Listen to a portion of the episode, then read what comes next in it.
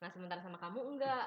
Itu yang pertama yang bikin aku ragu nih, kamu jodoh apa bukan ya? Ada aja sih, tapi yang aku nggak percaya. Nah Mm-mm. ini plot twist dikit nih. Plot twist. Yang oke. aku nggak percaya adalah kalau kita hanya menggunakan frasa ini, jodoh di tangan Tuhan.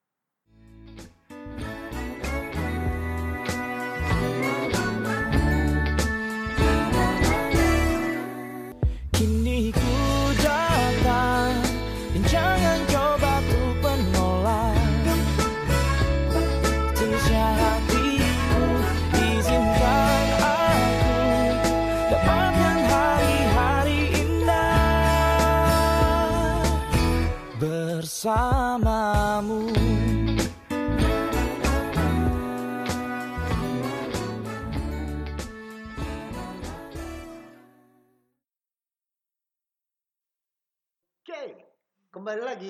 Oke lagi. Oke lagi ya. Aduh, jangan gitu lagi ya nanti next episode. kembali lagi di podcast Max Venus. bersama gue Frankie Wijaya Dan gue Teca. dan kita kembali lagi di podcast tentang hubungan, Ya. Ya. Relationship. relationship. Setelah banyak menuai komentar nih, Menuai komentar. menuai komentar. Yuk, beruntungnya hal-hal positif ya di episode-episode yang satu. komen negatif nggak berani. Nggak berani. Iya. Jadi kita mulai lagi di episode 2 ini dan Iya. kita mau ngomongin soal Jodoh. jodohku. Nyanyi itu. fals. Nanti males. Karena kita bukan penyanyi. Iya. Jodoh. Apa nih, Beb? Eh, by the way, kamu yakin gak sih sebelum kita married ya? Mm-mm. Aku itu jodoh kamu. Hmm, eh, Ini benar-benar tidak disangka-sangka ternyata kamu berpikirnya segitu lama. ya yakin gak yakin sih. Ah ya, boleh cerita dulu dong. Kenapa tuh? Kenapa yakin gak yakin ya? Hmm. Ya nggak yakinnya karena eh, kita beda banget. Buat aku nih ya, waktu itu aku nggak yakinnya karena kita beda dunia. Hmm. Buat aku kerjaan aku, yang aku lebih suka yang berhubungan sama seni gitu kan. Kamu tau sendiri aku suka masak, aku suka ngias, bikin kue, dan lain-lain. Pokoknya segala sesuatu yang berhubungan dengan kerajinan tangan. Nah kalau kamu sukanya itu eh, ngajar, training, coaching gitu kan. Hmm. Buat aku eh, yang kayak gitu-gitu bikin aku ragu apa kamu jodoh aku bukan. Soalnya kita kayak beda banget dan aku nggak bisa kontribusi di dunia kamu, kamu juga nggak bisa kontribusi di dunia aku. Jadi di situ aku pertama mikir, nih jodoh nggak ya? Kalau jodoh kan harusnya aku melihatnya. Hmm. Kalau yang namanya jodoh, masa depan itu bareng-bareng kayak papa mama aku nih. Hmm. Papa mama aku punya hobi yang sama, masak. Eh, mereka sekarang buka catering bareng. Aku ngeliatnya enak tuh, kerja bareng. Setiap hari mereka bareng, ngomongin hal yang sama, yang sama-sama saling ngerti gitu. Hmm. Nah, sementara sama kamu enggak. Itu yang pertama yang bikin aku ragu nih, kamu jodoh apa bukan ya gitu kan. Menarik ya, berarti dilihat dari segi mana pun sebenarnya eh, secara ketertarikan kita nggak banyak miripnya ya. Iya, banyak sama. Dari major atau apa eh, peminatan juga dulu kuliahnya beda banget ya. Mm. Hmm. Dan eh, aku tuh suka cowok yang sebenarnya kalem, jujur aja. Aku banget kan. kamu tuh pecicilan banget sih jadi beda banget Eh, aku tuh nggak gitu suka cowok yang tebar pesona sama cewek sebenarnya. Wah, aku nah banget. kamu ini tipe orang yang ak- gampang akrab sama cewek. Bukan karena kamu genit tapi karena eh, emang natural kamu begitu. Hmm. kamu emang supel. Tapi waktu itu aku ngelihatnya nih waktu itu aku Hmm. ngeliatnya kamu tuh genit. Wah, siapa aja kamu deketin. Siapa aja kamu rangkul kan. Jadi kan kayak hmm, kayaknya enggak deh. Kayaknya gue nggak cocok deh. Padahal setelah kenal kan nggak nggak gitu ya. iya setelah kenal sih baru aku bisa ngerti sih gitu Yeah. Ingat aku sih itu yang bikin aku ragu ya Tapi justru kan lebih banyak ragunya ya dulu lucu ya. iya Eh, karena lihat banyak perbedaan, terus ada kriteria-kriteria yang kamu pikir eh, harus ada nih, eh, Mm-mm. kayak apa tadi nggak boleh genit dan lain sebagainya. Terus kamu ngelihat justru aku agak-agak pecicilan dan genit gitu ya. iya dan kamu kayaknya orangnya keras kalau aku lihat Hmm, dulu Hmm. gitu Sekarang emang nggak keras. Keras sih cuman masih dalam tahap bisa diatur bisa diatur. gitu kalau kamu sendiri gimana nih kamu dulu yakin gak sih aku jodoh kamu Hah, itu secara dia. kayaknya kalau di film-film beda jauh banget ya Beda banget sih, Beb. Mm. Sebenarnya kalau ngomong kriteria masuk atau enggak, eh, sejujurnya tidak banyak masuk. Hmm. Iya. jadi gimana ya ceritanya ya? Ya pas pertama kali kita ketemu, aku sih nggak mikirin jodoh kamu itu jodoh aku atau enggak sih, Beb. Oh gitu. Lebih ke arah eh kamu itu buat aku menarik. Karena Hmm. buat aku wanita menarik banyak dan aku Oh, jadi- cukup apa ya cukup tertarik untuk bisa ya karena aku orang supel ya Mm-mm. cukup tertarik untuk bisa lakukan banyak komunikasi sama eh, cewek-cewek menurut aku menarik gitu tidak untuk melakukan sombong. tidak untuk melakukan pendekatan tapi cuma cuma sekedar untuk eh, ngobrol aja Nah. untuk benar-benar kayak kayak asik nih diajak ngobrol gitu nah pas ngajak ngobrol kamu tiba-tiba banyak apa ya banyak hal-hal yang kayak nggak usah butuh effort gitu. Aku pernah bilang kan ke Oh, kamu effortless apa? effortlessly connected Oh, Wah, itu aku baru inget tuh Apa itu effortlessly, effortlessly connected? connected. Jadi lebih ke arah kita tuh terkoneksi, Mm-mm. gampang banget ngomongin banyak hal di luar apa ya? Di luar hobi mungkin karena hobi kita beda, mm. di luar pelajaran karena pelajaran kita beda. ya kan banyak maksudku Hmm. di di luar begitu banyak hal kita connected aja, Hmm. terkoneksi dengan gampang dan nggak perlu aku mikir nih abis ini gue nggak usah ngobrol apa lagi ya Hmm, iya benar, harus ini gue harus cerita apa lagi ya terus supaya nggak krik-krik momen gue harus nanya apa ya gitu loh jadi kayak Hmm. setiap kali pertemuan-pertemuan kita tuh ngobrol-ngobrol kita tuh buat aku kayak loh kok kayak nggak ada krik-krik momen Iya, iya, iya. Aku nggak- juga sih mikir bener gitu. gak sih Heeh. Eh, dan kayak Santai aja sih ngalir. Nggak perlu persiapan gitu Iya. Dan perlu- sekalipun diem juga biasa aja. Aku nggak nggak ada Kayak, ya. mikir gue harus ngomong apa ya gitu enggak sih. Betul, Jadi betul, santai betul, aja betul. sih. Nah itu muncul dari pertemuan pertama kita, Beb. Mungkin kalau Mm-mm. pertemuan pertama kan lebih ya lebih pakai topeng lah ya, lebih banyak ngobrol yang di atas-atas permukaan gitu. Tapi justru di pertemuan-pertemuan kita ke sebelum-sebelum kita aku sebelum aku ngobrol ke kamu bahwa aku suka sama kamu itu loh. Mm-mm. Bahkan sebelum itu pun aku udah ngerasa kok kayak ngomong nyambung terus loh Hmm. effortlessly connected itu. Oh, nah, iya, iya. buat aku sih salah satu indikator atau perasaan ini dari aku pribadi ya. Iya. Kalau apakah dia jodoh aku atau enggak, ya aku harus ngerasa effortlessly connected sih. Oh gitu. Harus ngerasa bahwa ya kalau ngobrol Hmm. itu terkoneksi dengan sendirinya, Hmm. nggak perlu cari Topik. topik segitunya gitu Hmm. kan buat aku sih beberapa cewek yang aku deketin dulu sih ada krik momen yang buat aku kayak "Di- aduh gila nih supaya gua kelihatan lebih jantan Jantan apa atau itu? supaya gua kelihatan lebih menarik nih atau Hmm. atau bisa dilihat nih gua harus ngobrol apa lagi ya sempet loh beb beberapa kali Hmm. mikir kayak gitu Hmm. tapi sama kamu enggak itu yang buat aku langkah awal eh, merasa bahwa kamu itu jodoh aku Hmm. kalau kamu gimana? Ayo lo, susah lo. Berat ya. Eh, oh iya sama ini sih paling aku. Meskipun aku banyak keraguan waktu itu tuh beb, Hmm, yang aku pernah ceritain kamu, aku ragu kamu soal ini, soal itu. hmm, Tapi yang bikin aku makin yakin adalah setiap kali aku ragu itu, aku sih sebenarnya berdoa sih gitu. Nah semakin aku berdoa, semakin aku lebih mantap lagi. hmm, Kayaknya aku, misalnya nih aku aku berdoa nih, aku minta ah kalau emang dia cowok bener, dia pasti A gitu, dia pasti gini. hmm. Nah tanpa aku bilang, tanpa aku effort, kamu tiba-tiba ngelakuin si A ini yang aku. Contohnya apa sih? Aku nggak Aduh, aku agak lupa sih. tapi tapi banyak deh, udah beberapa kasus-kasus kecil yang begitu. Jadi di Hmm. situ aku mulai pertimbangin lagi sih. Hmm. mungkin ya coba dijalanin. Mungkin emang ini yang terbaik gitu. Dan selain itu juga aku ngeliat kamu sama sama, sama aku sama-sama mau berubah gitu. Yeah. Sama-sama mau berubah. Penting sih ya. Karena Hmm. buat aku aku kalau ngeliat diri aku dulu dulu ya, Hmm. aku ngerasa kok kamu hebat banget mau terima aku yang kayak dulu sih. Emang dulu kamu gimana ya? Aku menurut aku ya, aku Hmm. dulu tuh banyak banget nuntutnya sih dari kamu. Iya gak sih? Kamu ngerasa aku banyak nuntut gak sih? Nuntut kamu Hmm. ibaratnya ini deh dulu kan aku sering ngobrol sama kamu tentang gaya rambut, Oh iya, gaya iya, iya, pakaian. ke kantor jangan beginilah bajunya gitu kan kamu kayak kayak kayak mau kuliah ke kantor Iya. Aku ngerasa sih, Beb. eh, aku cukup banyak nuntut. Tapi apa sih yang membuat kamu bertahan sama aku yang banyak nuntut? Karena buat aku itu bukan masalah besar sih. Hmm. Mungkin ada beberapa orang kalau yang dituntut itu masalah besar buat dia, tapi buat aku Hmm. itu bukan top list masalah besar aku. Hmm. Top list masalah besar aku yang bikin aku nggak akan tahan sama kamu adalah kalau kamu bohong, Hmm. kalau kamu kasar, kalau kamu eh apa ya?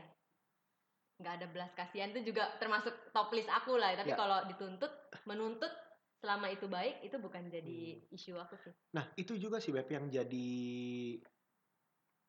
apa ya bilangnya ya? Alasan apakah itu jodoh atau kriteria atau indikator Hmm. apakah itu jodoh atau enggak? Ya dari hal-hal yang kita anggap itu benar, kita challenge ke pasangan kita Hmm, atau calon hmm, pasangan hmm. kita. Contoh kayak kamu tadi, apakah dia bohong atau enggak? Buat aku sih, aku akan nunggu sih Ya. di waktu-waktu tertentu yang memungkinkan kamu bohong dan aku tahu kebenarannya, aku akan nanya, kamu bohong atau enggak? Hmm, Terus kalau eh, apa kamu ngomongnya kasar atau enggak, aku akan dalam tanda kutip challenge. hmm. Ketika kondisinya bisa bikin kamu ngomong kasar, kamu kasar atau enggak ngomongnya gitu. Hmm. Ketika aku buat salah, kamu akan ngomong kasar atau enggak. Aku eh, bahkan sebelum kita jadian pun aku sering ngelakuin itu sih, Beb. Dalam Hmm, tanda kutip betul. challenge-challenge kecil untuk ngeliat nih sebenarnya kamu itu kasar nggak sih? Kamu itu kalau lagi marah gimana sih? Kamu itu jujur nggak sih? Bisa dipercaya nggak sih orangnya? Kamu itu orangnya mau diajak susah nggak sih? Hmm. Yang kayak gitu-gitu aku challenge sih, Beb. Sebenarnya tanpa kamu tahu ya. Eh yang aku sadar juga kamu ngelakuin hal yang sama. Kayak Iya sih. Ingat nggak? Menilai Iya menilai kan, menilai Mm-mm. kayak gitu dan menurut aku nggak bisa dalam waktu cepat sih ya. Mm-mm. Tapi kita dalam tiga bulan terus bisa jadian itu apa yang buat kamu merasa bahwa sudah cukup waktunya Beb untuk menilai semuanya itu. Eh, aku punya list-list tertentu sih. Mm-mm. Selama kamu nggak melanggar list itu, Hmm. buat aku ya lanjut gitu. Ya, Itu confirm sama apa yang kita ngobrolin di episode Iya, lalu kali ya. Yang kita bilang bahwa ada yang namanya critical principle. Iya. Ya, kalau emang ternyata criti- critical principle itu bisa dalam tanda kutip bisa lulus Mm-mm. dalam waktu PDKT sebenarnya itu udah nggak terlalu banyak Nggak- isu lagi oh, di masa pacaran. ah, ah. Kecuali tiba-tiba critical principle itu yang dirusak atau hal-hal yang sangat kritikal yang buat kita nggak mau ada di pasangan kita tapi ternyata dilakuin. Mm-mm. Contohnya tiba-tiba dia karena kita nggak tahu eh, kamu sama orang tua kamu atau sama keluarga kamu gimana tiba-tiba pas pacaran main rumah ternyata kamu main bentak Mm. orang tua kamu buat aku kayak loh kok Mm-mm. begini sih attitude kamu sama orang tua nah buat aku itu kritis buat aku mm, mm. karena aku pribadi eh, orangnya sangat apa ya sangat dekat bukan dekat sih sangat ya Oh, respect ya. respect apa? lah sama orang tua walaupun aku sama mamaku kadang-kadang ngomongnya agak kenceng ya tapi Iya. ya kamu tahu lah aku respect sama mama Ah. aku gitu Hmm, jadi kalau mau tahu jodoh apa enggak sebenarnya dari hati kayak tadi kamu bilang effortlessly connected, Hmm. Connected. sama itu ya secara logika juga main ya sebenarnya. oh banget banget Hmm. sih buat aku sih justru ngelihat bukti-bukti yang nyata sih Hmm, harus dilihat bukti-bukti yang nyata kayak gitu sih ya ya ya. Ya. gitu Hmm, Nah ini suka ada- statement nih beb, Hmm. katanya eh, jodoh itu nggak ke mana. Kamu percaya nggak sih sama statement itu? jodoh nggak ke mana Mm-mm. eh aku percaya jodoh pasti bertemu ya. ya karena banyak banget sih teman-teman aku yang akhirnya menikah sama temen SD-nya Hmm, sweet banget. terus ada yang udah putus terus udah jadian ke mana-mana endingnya menikah sama yang pacar pertamanya Oh, ya ada aja sih tapi yang aku nggak percaya nah Mm-mm. ini plot twist dikit nih plot twist. yang Oke. aku nggak percaya adalah kalau kita hanya menggunakan frasa ini jodoh di tangan Tuhan Hmm, iya iya. aku nggak percaya kalau itu hanya itu ya garis bawahi kata hanya Eh, kalau Hmm. hanya itu yang dipakai bahwa aku nggak percaya jodoh berhenti di tangannya Tuhan Oh, aku gimana? percayanya gini jodoh memang di tangan Tuhan itu Hmm. 50% benarnya benar sih 100% itu benar cuma Mm-mm. maksudnya nggak berhenti sampai sana jodoh juga di tangan manusia Hmm. Kenapa? Karena gini, karena buat aku pribadi, aku baca satu buku juga tentang hubungan Hmm. dan bilang kayak gini, Tuhan itu membawa kita dekat sama orang-orang yang ada di lingkungan kita Hmm. dan juga orang-orang yang ada di lingkungan kita Mm-mm. Tuhan buat tuh ya dekat sama kita tiba-tiba kita ada di sekolah yang itu kita Uh-uh. berkuliah di sana Kerja kita di kerja di situ terus tiba-tiba teman kita kenal siapa yang kita akan dikenalin buat aku tuh itu perannya Tuhan tuh Oh ya. untuk Hmm. mendekatkan kita pada orang-orang yang kita kenal Nah, sekarang Mungkin untuk membentuk situasi itu perannya Tuhan. Yes. Nah, tapi perannya kita apa? Perannya kita untuk memilih orang-orang yang ada di sekeliling kita. Kita makanya dikasih akal sehat, kita dikasih hati nurani Mm. untuk bisa memilih dan memilah buat aku sih. Hmm. Yang mana yang terbaik buat kita. Karena kalau ngomong yang terbaik itu cuma satu, dan Ya. kita memilih satu di antara beratus-ratus atau beribu-ribu lawan jenis yang kita kenal di kehidupan kita sekarang, kok kayaknya Tuhan jahat banget ya? Karena susah banget gitu. Mm-mm. Ya kalau emang yang terbaik itu satu, buat aku yang terbaik itu nggak cuma satu. Hmm, jadi bukan yang terbaik dong ya, yang baik. Apa gimana? Bukan, nih? bukan. Maksud maksudku gini, eh ya kalau emang bahasanya yang terbaik ter itu adalah satu, Heeh. ya agak susah. Oh, ya oke. Buat aku adalah yang yang bisa membantu atau em, menjadikan diri kamu menjadi lebih baik ketika berpasangan dengan Hmm. dia itu tuh nggak cuma satu bukan berartinya Hmm. berarti kamu harus pilih dua pacar atau tiga pacar ya Hmm. tapi kalau kamu pacaran sama si A misalnya Mm-mm. kamu bahagia nggak bisa dia bahagia Hmm. terus kamu misalnya putus dan kamu pacaran sama si B terus kamu bilang bahagia nggak bahagia, Bahagia. Ya, lebih bahagia yang mana nah kadang-kadang itu susah beb Bingung. karena buat aku eh, lebih bahagia yang mana itu sangat sangat bergantung pada dengan siapa kita Mm-mm. berhubungan gitu bisa nggak kita kalau pacaran nih sama si C Hmm. terus kita bilang gila nih gue bahagia banget sama dia udahlah he is o- atau she is the one Hmm. kan gini kalau tiba-tiba putus dan pada akhirnya jadian sama yang lain lagi dan Ya. terus dia bilang bahwa iya nih untung gue putus ngerti gak kayak Ya, ada ya, ya. perasaan tuh selalu ngebohongin Mm-mm. Ngerasa bahwa dia yang terbaik, dia satu-satunya, yang kadang-kadang itu ngebohongin sih. Hmm. Buat aku justru Tuhan bawa kita deket sama orang-orang yang ada di sekitar kita, buat kita untuk memilih dan memilah. Hmm. Yang mana yang sesuai sama kita, yang mana yang kita pilih untuk kita mengenal jauh lebih dekat, untuk Mm-mm. kita benar-benar eh, belajar komitmen sama-sama sama si orang itu. Hmm. Karena kalau kita ngomong mana yang lebih bahagia, kita nggak akan pernah berhenti mencari. Iya sih, bakal terus membandingkan gitu ya. Ya nggak sih? Nah, Sebenarnya nggak akan pernah bahagia 100% sih sama satu orang. betul. Betul. Pasti ka- karena nggak mungkin ya namanya manusia ya, nggak mungkin eh, sempurna. Iya. Pasti ada kesalahan, pasti ada kesulitan Mm-mm. dalam hubungan. Aku yakin kalau kamu nggak sama aku pun, kamu bisa kamu bisa sebahagia ini nggak? Bisa. Hmm. Tapi kamu memilih sama aku, ngerti ya? Oh, Aku juga kalau mem- memilih wanita lain jadi istri aku misalnya bisa nggak aku sebahagia ini atau mungkin lebih bahagia bisa.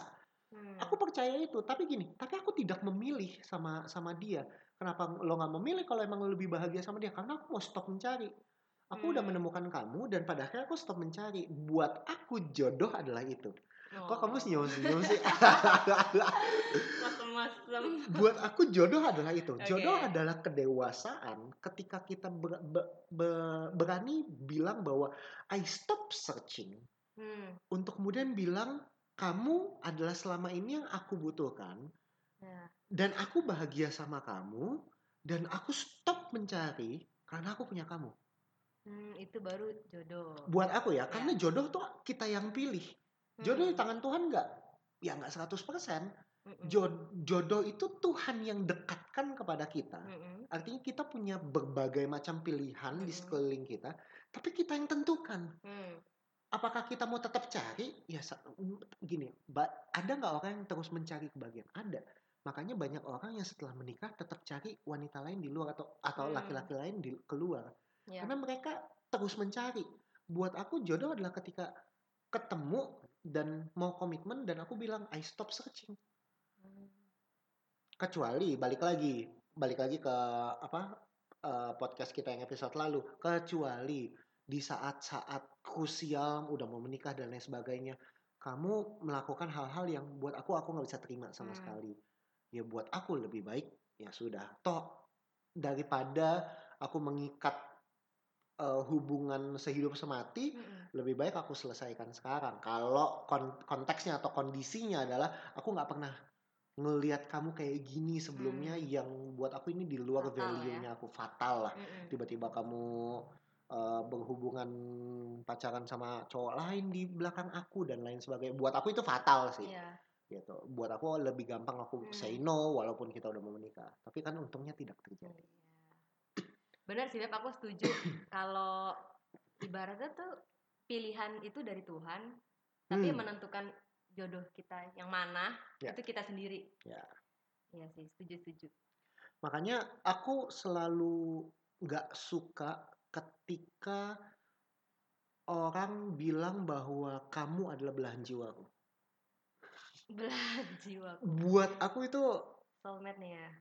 iya itu apa ya? Nggak rasional gitu. Oh, karena kamu bilang buat aku tuh alay. Alay. Ya, Rese banget. alay sih. Ah, dulu juga gitu. Nggak, aku sudah berhenti bilang bahwa kamu atau aku mencari belahan jiwa itu udah cukup lama banget. Tapi so true loh, aku pernah dengar eh, satu fakta kayak gini. Kalau kita terus mencari belahan jiwa, artinya jiwa kita setengah. Sebelah doang berarti. Berarti jiwa kita cuma Hmm. sebelah. Itu nggak heran kita selalu mencari Hmm. seseorang yang bisa mengisi sebelah jiwa kita yang terbelah. Hmm. buat aku justru berarti apa ya eh, keinginannya adalah untuk meminta Hmm. keinginannya adalah untuk tolong penuhi jiwa gua yang haus tolong penuhi jiwa gua yang lapar. Ya tolong penuhi jiwa gua. Artinya apa? Ketika aku berusaha menuntut kamu memenuhi jiwa aku artinya jiwa kamu aku rela aku rela jiwa kamu kosong. Iya, karena kamu serap terus. karena aku serap terus supaya apa? Supaya jiwa aku utuh. Hmm.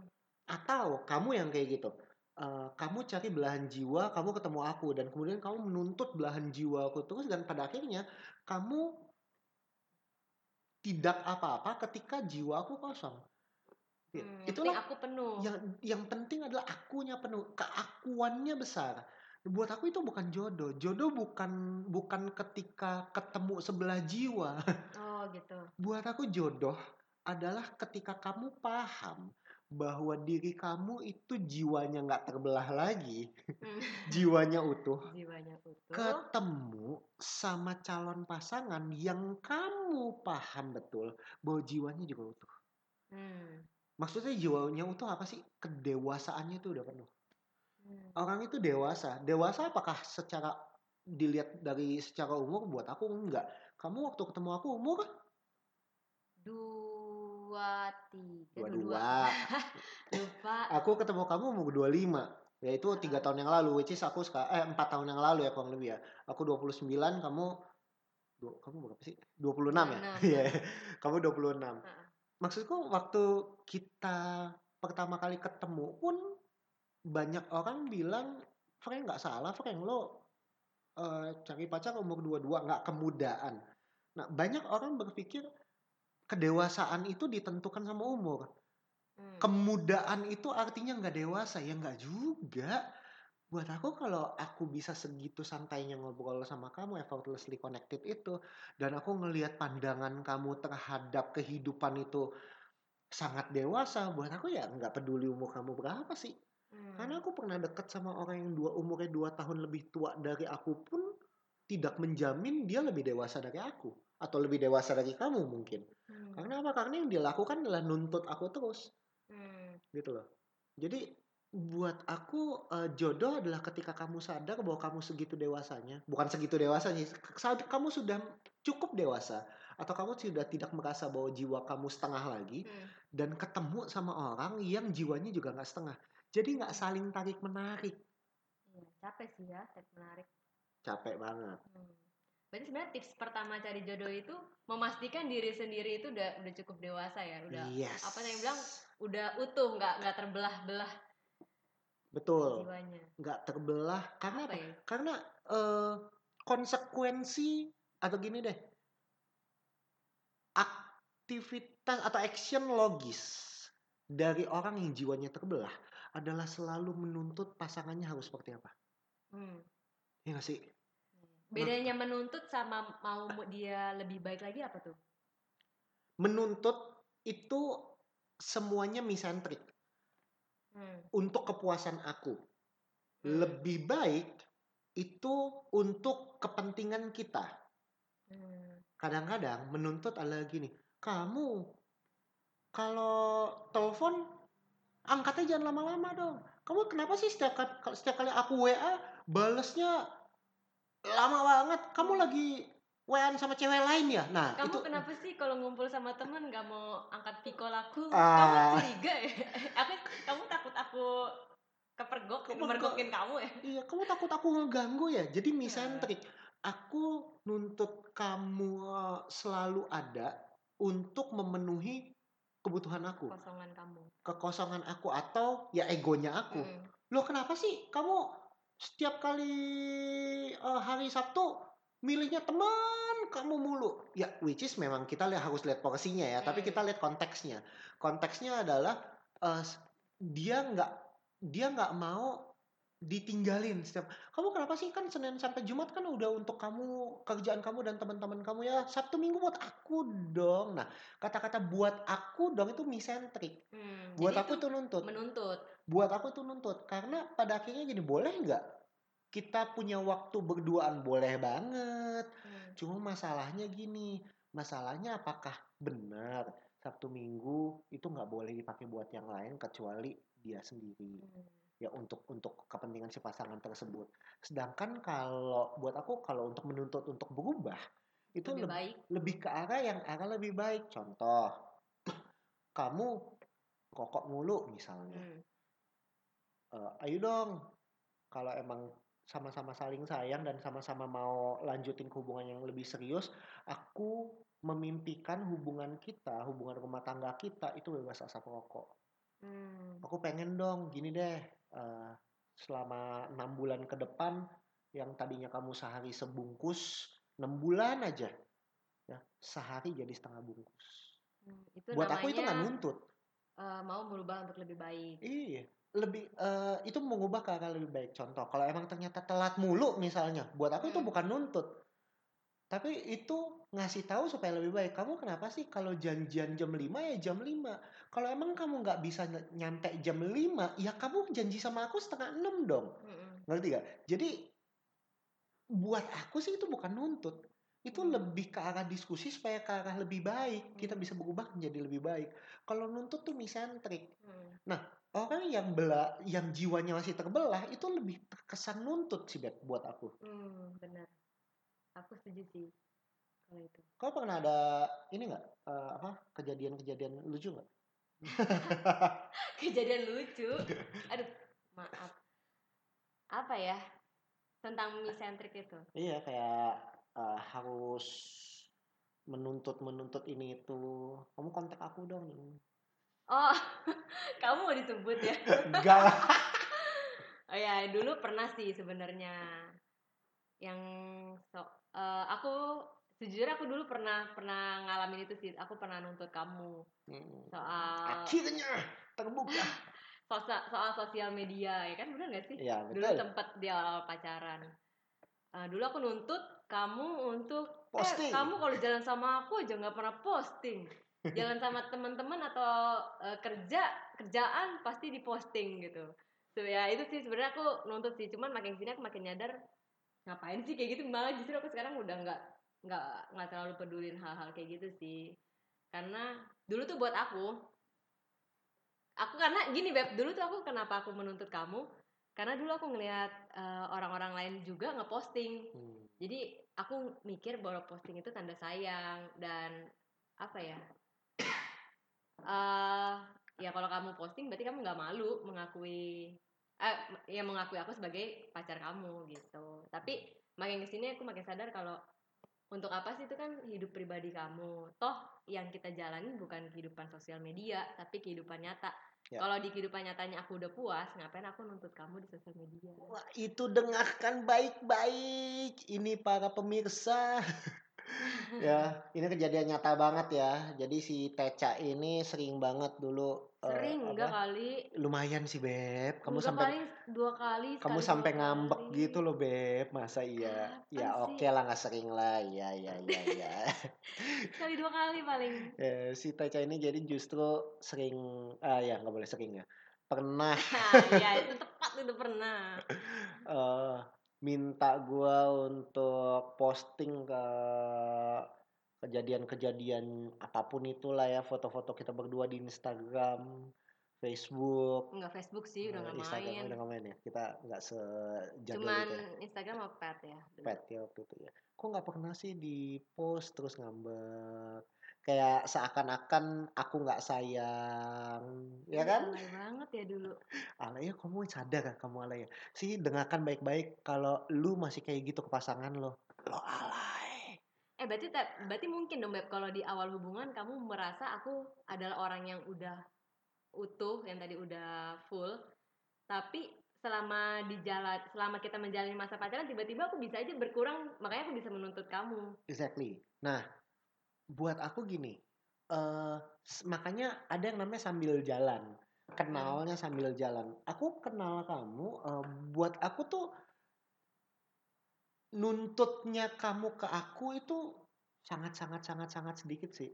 Dan buat aku bisa tole aku bisa tolerir. Hmm. Eh, kamu nggak pernah nuntut aku untuk eh, bales chat kamu cepet buat aku tuh ganggu banget sih Eh, nuntut aku untuk telepon kamu setiap hari buat aku yang itu yang lebih krusial sih Hmm. tapi kalau nuntut eh, apa posting foto dan lain sebagainya aku kan berapa kali kan ngobrol ke kamu dan kamu terima kan. Hmm.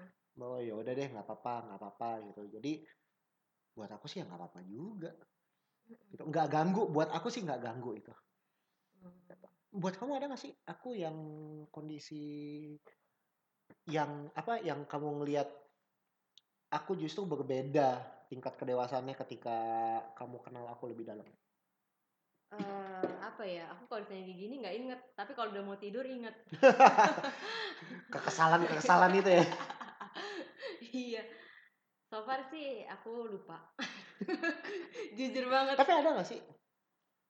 Eh sifat-sifat yang tiba-tiba muncul di tengah-tengah yang kamu rasa kayak oh kok kekanak-kanakan banget sih? Hmm, paling kalau itu sih kalau kamu ngambek terus maunya diem buat aku kekanak-kanakan. Nah, gitu. Karena egois sih kalau buat aku. Hmm, buat aku sih kedain emosi. Wih beda. Tuh cara berbeda menangani konflik ya? Ya ya kita bahas nanti lah ya. Mm-mm. Tapi ya itu ya yang pertama lah ya Beb ya. Bahwa jangan pastikan diri kita cukup dewasa untuk menganggap bahwa kita nggak nggak lagi jiwa kita terbelah, tapi jiwa Hmm. kita utuh dan memastikan bahwa kita punya pasangan juga atau calon pasangan yang juga jiwanya utuh. sebenarnya aku pernah dengar statement ini nih beb kalau kita menarik orang-orang yang sama seperti kita Hmm. ya kan Ya ya ya. nah sebenarnya nih yang perlu diintrospeksi kalau misalnya Introspeksi Beb. introspeksi Speksi. oke Introspeksi. Kamu jangan bikin lucu dong. Aduh. Oh. ya maksudnya perlu diintrospeksi. Ya. Ketika mungkin kita merasa bahwa pasangan kita itu nggak dewasa, nggak cukup dewasa. Sebenarnya bukan pasangannya nggak nggak dewasa, mungkin kamunya yang nggak dewasa. Karena Hmm. kalau kamu nggak dewasa, eh maksudnya kalau kita nggak dewasa, kita akan menarik orang-orang yang nggak dewasa juga yang untuk deket sama kita. Ya ya ya. Gitu sih, maksud aku lebih ke koreksi diri sendiri dulu. Hmm. Karena di mana level kamu ada, di situlah orang-orang akan mendekat sama kamu. Kalau Ya. level kedewasaan kamu misalnya cuma 6. Ya orang-orang yang dekat sama kamu kurang lebih tingkat dewasanya kalau nggak 4, 5, 7, ya mentok-mentok 7 setengah gitu kan. Nah makanya untuk men- mencari pasangan hidup yang dewasa, naikkanlah juga level kedewasaanmu. Hmm. Kalau level kedewasaanmu 9, maka yang interest atau tertarik sama kamu adalah orang-orang yang level sembilan. kedewasaannya hampir sama, bu nggak selalu sama sih tapi hampir sama. Iya. Ini yang Gitu. aku bilang dulu ya. eh, aduh, aku dulu bilang apa? Orang hanya akan berani bayar ya uh, orang hanya akan berani beli Oh, apa beli. yang dia bisa bayar oh ya orang akan berani beli apa apa yang yang dia bisa bayar apa yang dia bisa bayar bener kan misalnya gini kalau kamu datang ke store uh, tas tertentu lah ya merek-merek yang memang uh, common pada umumnya. Kamu datang kamu lihat-lihat gini deh ke H&M mm, atau ke apa ke Charles and Keith. Mm. kamu lihat-lihat gitu terus kayak lihat lihat harga cobain sana sini nggak jadi beli ya udah gitu. Mm-mm. bahkan pegawai atau tokonya pun nggak masalah kamu ngelakuin itu. Mm, tapi kalau kamu datang ke Hermes toko mm. Hermes toko Louis Vuitton kamu datang ke sana kamu disuruh pegang pun kamu harus Hmm. pakai sarung tangan Mm, dan kamu benar-benar dilihat dari atas sampai bawah untuk hanya untuk ngeliat dan megang si tas itu mm. karena ya kalau emang itu kita belum tentu bisa bayar yang kita nggak berani berani nggak mungkin berani beranian datang ke sana terus bilang gue mau lihat dong terus Hmm. pegang tanpa sarung tangan. Ya, belum tentu berani bayar. Mm, kalau nggak berani bayar kita tahu nih kantong kita nggak bisa mampu beli itu masuk aja nggak beb? Mm.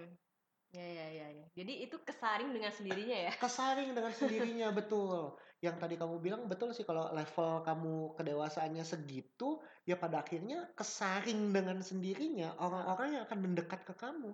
Mm-mm. iya. Ya nggak sih? Betul betul menarik ya Mm-mm. itu itu eh, tentang jangan jangan melakukan pendekatan atau jangan mencari jodoh dengan prinsip mencari belahan jiwa Ah, Ya, karena selama jiwamu masih terbelah, urusin dulu jiwamu, mm, baru cari jodoh. mm-mm. betul makanya Semoga ini sudah cukup untuk bisa menemplak beberapa orang ya. Karena buat aku sih itu benar sih. Hmm, Itu menemplak aku banget waktu tahu bahwa aku masih cari orang yang komplit nih, yang me- me- menyempurnakan aku.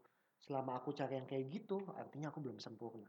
Aku belum belum komplit, aku belum utuh, aku belum dewasa. ah, Selama aku belum dewasa, aku akan selalu cari eh, pengakuan, aku akan selalu, selalu cari eh, kenyamanan itu dari orang lain. hmm. Gitu. Ya, sebenarnya berarti jodoh itu bukan menyempurnakan hidup kita ya tapi membuat hidup kita lebih sempurna Yes, Yes. habis. Justru karena kita sudah sempurna, Heeh. Jadi lebih lagi ini lebih ada tambahan lagi ya. Mm-mm. Ada value editnya, ada lebih sempurnanya. Mm-mm. Mantap. Lanjut, Beb. Jiwa. Apalagi nih? Eh, bagaimana tahu bahwa dia itu jodoh kita? Berat ya itu mesti pakai benar feeling tadi Mm-mm, yang kedua pakai logika juga mm-mm, dan ini ada yang satu sih yang aku yakinin tadi aku juga dicerita sama kamu Hmm. kalau aku tuh tahu dia jodoh aku apa enggak adalah pertama Hmm. apakah aku bisa ngebayangin dia di masa depan aku atau enggak mm. maksud aku nih kalau misalnya orangnya misalnya kamu tipe orang yang eh, suka main tangan misalnya aku bisa nggak begini sama kamu seumur hidup aku Kayak gitu. Jadi Hmm. aku bisa nggak ngeliat kamu di masa depan aku dengan perlakuan kamu sekarang memperlakukan aku itu aku bisa nggak kayak gitu. Ya. Gitu. Terus eh, misalnya kamu orangnya pemalas Hmm. dari sekarang udah kelihatan pemalas. Nah aku tahu jod- kamu jodoh aku apa bukan adalah aku bisa nggak ngebayangin kamu nih yang sekarang nih aku lihat kamu suka tidur misalnya bangunnya siang malas kerja aku bisa nggak ya ngeliat itu di masa depan aku Hmm. nanti gitu. Kalau emang aku kayaknya gigi gua gak kebayang deh tuh punya suami begitu. Nah, itu mu- mungkin tanda-tanda bahwa itu bukan jodoh. Walaupun ka- kalau banyak kata orang ya people change, orang bisa Iya. berubah. Du- ya kan sekarang gue bisa Bisa. jadi pemalas. Mm-mm. Dulu eh mungkin besok gue akan jadi orang yang sangat kerja keras. Menurut Hmm. kamu gimana? Menurut aku sebenarnya nggak banyak berubah sih orang. Sifat Hmm. dasarnya itu pasti ada. Good. Aku Gitu. setuju. Aku setuju. Ah, itu juga yang aku lakukan ke kamu sih, Beb. Jadi waktu kita masa-masa pacaran sebelum menikah memastikan bahwa benar-benar aku mau menikah sama kamu atau enggak adalah yaitu kamu orangnya kayak gimana? Hmm. nah kamu tuh kan orangnya tipenya kan agak-agak selebor ya. Ember itu sudah kelihatan bahkan dari zaman kita pacaran. Hmm. karena buat aku kenapa selebor itu penting selebor atau nggak selebor itu penting? Karena aku selebor Hmm. Jadi kamu butuh yang nggak selebor. Bu, sebenarnya aku butuh yang ngebantu aku merapikan keseleboran aku. Nah, aku ngelihat kamu selebor gitu dan aku langsung ngebayangin tuh ketika aku punya kehidupan rumah tangga sama-sama selebor ini gimana ya? Seru kan? Bisa nggak ya? Jadi buat aku itu yang dibayangin sih. Hmm, hmm, hmm. Kalau emang ternyata aku nggak bisa hidup eh, dengan kehidupan yang kayak gitu, ya lebih baik enggak. Hmm, hmm, hmm. Nah, terus aku tahu kalau kamu itu lebih ke arah eh, sifatnya adalah home industry, ya, Hmm. eh, entrepreneur tapi di rumah. Segala Hmm. sesuatu tuh buat dari rumah. Kan kamu bikin kue kan. Eh, ya aku aku ngelihat diri aku itu nggak akan jadi orang rumahan. Hmm. Se-entrepreneur entrepreneurnya aku, aku pasti akan punya kantor sendiri Hmm. atau aku akan bekerja lebih banyak di luar. Nah, aku harus bisa ngelihat apakah aku bisa sama orang yang ada di rumah terus misalnya atau itu kan yang bahan diskusi Hmm, aku sama hmm. kamu ya. Kamu bisa nggak yang kamu di rumah terus, aku bisa jadi ninggalin kamu terus loh. Oke lah kalau sehari-hari ninggalin sehari sehari. Kadang-kadang aku pernah punya bayangan apa jadinya kalau aku dipanggil di luar kota yang ninggalin kamu lima hari, mungkin dua minggu, kamu siap nggak dengan itu? Hmm. Nah buat aku jodoh adalah ketika kita bisa ma- melihat ke masa depan dan kita masih bisa bilang bahwa ya aku bisa hidup sama Ya, kamu. hmm, hmm. Ya, Wala- walaupun aku tahu Ya, jelek-jeleknya itu kamu resikonya. Dan jelek-jeleknya kamu masih ada di masa depan aku. Mm-mm, betul. Dan ketika aku bi- dengan dewasanya bilang bahwa ya udah, gue masih bisa terima lu dengan dengan dengan semua resikonya, Hmm. ya buat aku itu cenderung jodoh sih. Ya, jadi sebenarnya mau nonton jodoh apa enggak jangan ngebayangin dia berubah Nah, ke betul. yang lebih baik itu ya. Nah, Bayangin exactly. kalau dia sekarang Tetep ada sama. di 10 tahun ke depan tuh masih bisa mau nggak? nggak? Eh, Ya, ya, ya, Kira-kira ya. mau nggak sih ini punya calon suami atau istri atau ayah ibu begini gitu. Nah itu yang pertama Beb, maksudnya aku ngebayangin apakah aku bisa ngebayangin dia di masa depan aku. Mm-mm. Yang kedua itu aku ngebayanginnya kalau seandainya aku disuruh ulang kisah kita semua, aku tetap milih dia apa enggak? Nah kalau misalnya aku kayak enggak sih, berarti mungkin tuh pertimbangan aku bahwa mungkin dia emang bukan yang bukan yang jodoh aku atau bukan yang terbaik gitu. Hmm, Maksudnya ngulang gimana sih? Maksudnya kalau misalnya kita bisa di- disuruh pilih lagi dari awal nih, mengulang kisah, jadi nggak ada nih kita belum pacaran, baru kenal, dan tapi kita udah tahu itu semua, udah tahu ke depannya akan seperti itu, masih mau nggak Ah, eh, walaupun jadian sama dia sekarang? walaupun penuh dengan masalah-masalah, bu- penuh dengan berantem Iya. berantem, masih mau nggak lewatin itu ngulang, Ngulang lagi, lagi. kalau tahu endingnya kayak gini. mm-mm, dan menyesal nggak udah pilih dia gitu. Kalau misalnya Iya. sampai ada perasaan, ya gue sebenarnya agak nyesel sih dulu terima dia. Nah itu mungkin perlu dipertimbangkan Ah. gitu. Justru ini bisa jadi evaluasi eh, buat orang-orang yang dalam tahap-tahap pacaran pacaran ya sebenarnya pacaran, dalam Iya, pacaran. dalam kurun waktu yang sudah cukup lama ya. Mm-mm, Ya, sebelum menikah pikirin dulu nih mm-mm. kalau gua harus ngulang lagi dari zaman PDKT sama Mm-mm. dia sampai hari ini gua mau ngulang lagi nggak ya? Lu bakal pilih orang yang sama nggak? Gitu. Karena kalau jawabannya iya, Mungkin dia jodoh. ya. Tapi kalau jawabannya enggak, Pikir-pikir lagi. pikir lagi. Aduh, coba dulu gua waktu nembak nggak nembak dia, nembak sahabatnya dia. Nah, Mungkin udah ceritanya beda. sih. Wah, itu udah pasti Nah, bukan jodoh itu. Kalau belum nikah jodoh ragu, gimana udah nikahnya coba? Nah, betul betul betul betul betul. Kalau kamu sendiri ada tambahan nggak? Gimana kamu tahu kalau dia yang jodoh kamu atau dia yang terbaik? jodoh buat aku sih selalu gini jodoh itu bukan berarti eh, melewati masa hubungan tanpa beban. Hmm. Karena banyak orang ya bahasa kita tadi lah effortlessly connected. Hmm. Yang effortlessly atau yang tanpa eh, energi atau tanpa apa sih perjuangan itu tuh connectednya atau atau berhubungan berhubungan secara verbalnya bukan berhubungan secara relationshipnya karena pada akhirnya berhubungan dalam relationshipnya pasti akan ketemu sama yang namanya begitu banyak tantangan Mm-mm.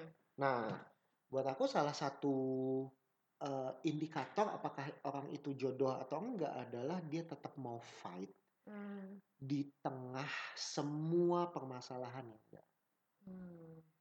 Aku ketemu beberapa teman-teman yang eh, masa sekarang belum married, masa pacaran dan di masa pacaran ini dia fightnya gila-gilaan.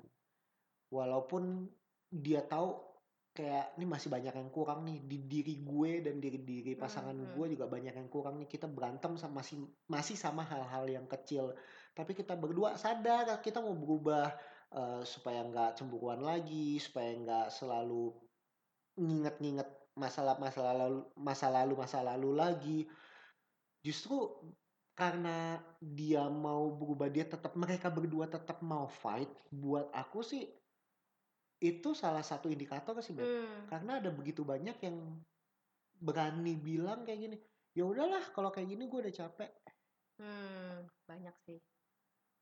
even though itu bercandaan ya buat aku itu nggak lucu Hmm. dan buat aku itu udah tanda-tanda sih lah kok lo cepet amat nyerahnya Hmm.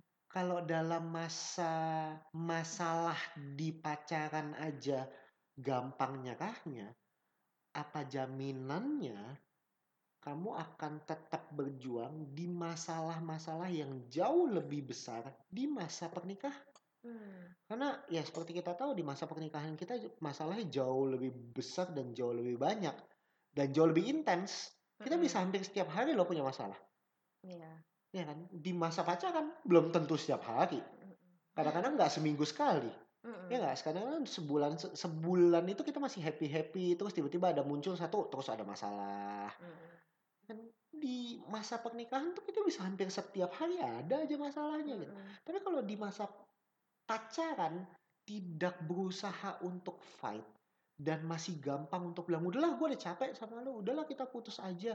Udahlah apa kita nggak cocok ya? Nah kalau mu- selalu atau sering muncul kata-kata itu buat aku itu udah salah satu alert sih. Hmm. apakah kemudian lo mau berjuang untuk hubungan ini atau enggak? Hmm. Karena buat aku berjuang mau untuk berjuang itu adalah tanda apakah dia jodoh kita atau bukan Iya. karena yang tadi yang tadi uh, kita sempat mention bahwa jodoh nggak cuma sekedar di tangan Tuhan tapi kita milih Mm-mm.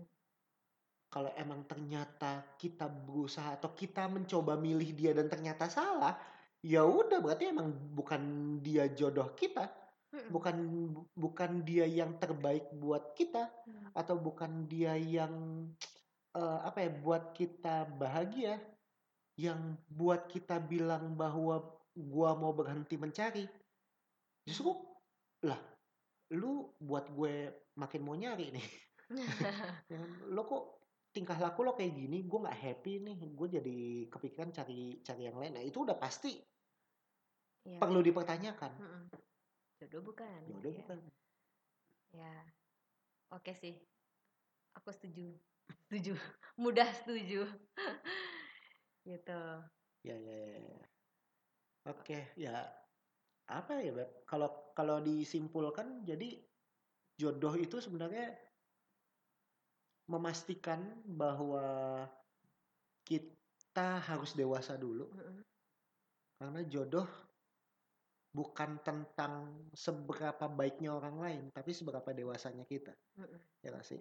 Itu yang pertama seberapa dewasanya kita. Dan dua percaya bahwa jodoh itu di tangan Tuhan tapi tidak titik Ya. itu koma jodoh di tangan Tuhan koma dan kita yang memutuskan Hmm. jadi Tuhan pastikan yang memberikan pilihan, Tuh. kita yang menentukan. kita yang menentukan kita Satu. yang memutuskan yes dan buat buat kita juga apakah kita mau ngulang lagi atau mau ulang lagi nggak sih dari awal kisah Hmm. kisah hubungan kita kalau emang ternyata kita tahu hubungan kita tuh pernah pe- penuh dengan turbulensi, Hmm. penuh dengan masalah, terus juga mau mau berkorban, mau ber apa ya berjuang untuk Berjuang. hubungan ya nggak nggak gampang ngomong selesai udahan atau Hmm.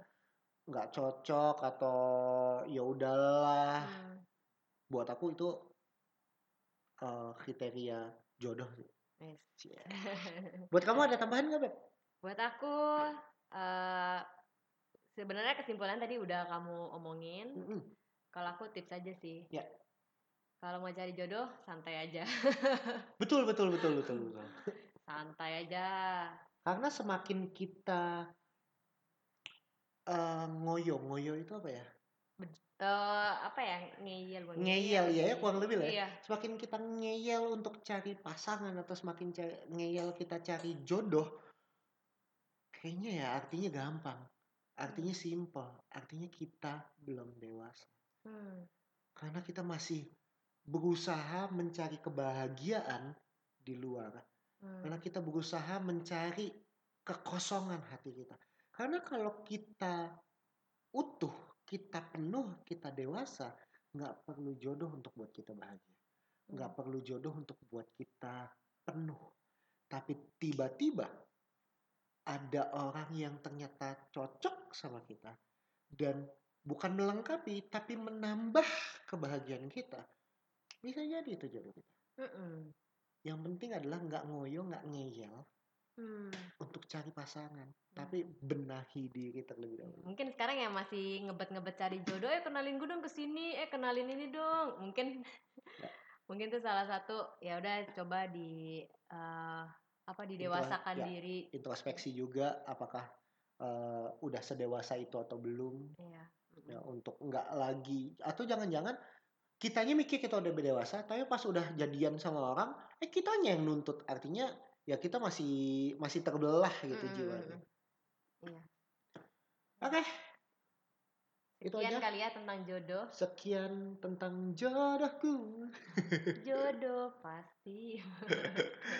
Ya, eh, ketemu lagi di podcast episode berikutnya. Kalau mau kasih kritik, saran, boleh banget di Instagram at frankie7172 atau Dan aku di at Teresia Teca. See you on next podcast. Bye-bye. Bye, selamat mencari. Eh, selamat mencari. Selamat. selamat mendewasakan diri. Amin.